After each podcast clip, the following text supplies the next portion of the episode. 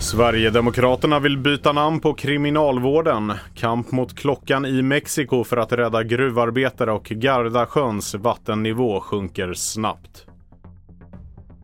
Det här är TV4-nyheterna. Sverigedemokraternas partiledare Jimmy Åkesson höll precis sitt sommartal i Sölvesborg.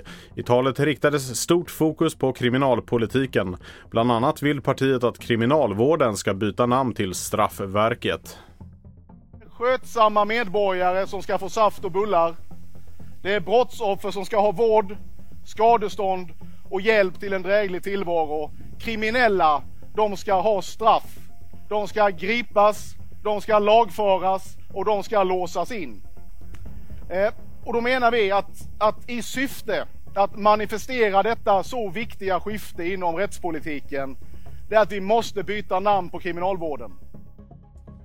Och regeringen vill göra det enklare att häkta personer som misstänks ha genomfört rån eller grov misshandel. Statsminister Magdalena Andersson säger till TT att detta kan skydda brottsoffren samtidigt som den misstänkte inte kan begå fler brott. Om lagförslaget får stöd i riksdagen kan det träda i kraft den 1 juli 2023. I Mexiko pågår en kamp mot klockan för att rädda tio gruvarbetare som suttit fast i en vecka efter att en kolgruva kollapsat i de norra delarna av landet.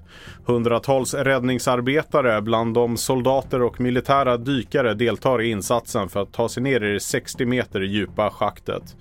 Fem gruvarbetare lyckades undsätta sig efter olyckan. Inga tecken har synts på att de övriga tio är vid liv. Gardasjön i norra Italien är drabbad av nästintill rekordlåga vattennivåer. Stenpartier som tidigare legat under vatten är nu fullt synliga och på sina håll är vattnet lika varmt som i Karibien. Det har inte regnat i Italien på flera månader och i vintras snöade det 70% mindre än vanligt. Gardas borgmästare säger att sjöns djup sjunker med 2 cm per dag. Mitt namn är Felix Bovendal och mer nyheter hittar du på tv4.se och i appen.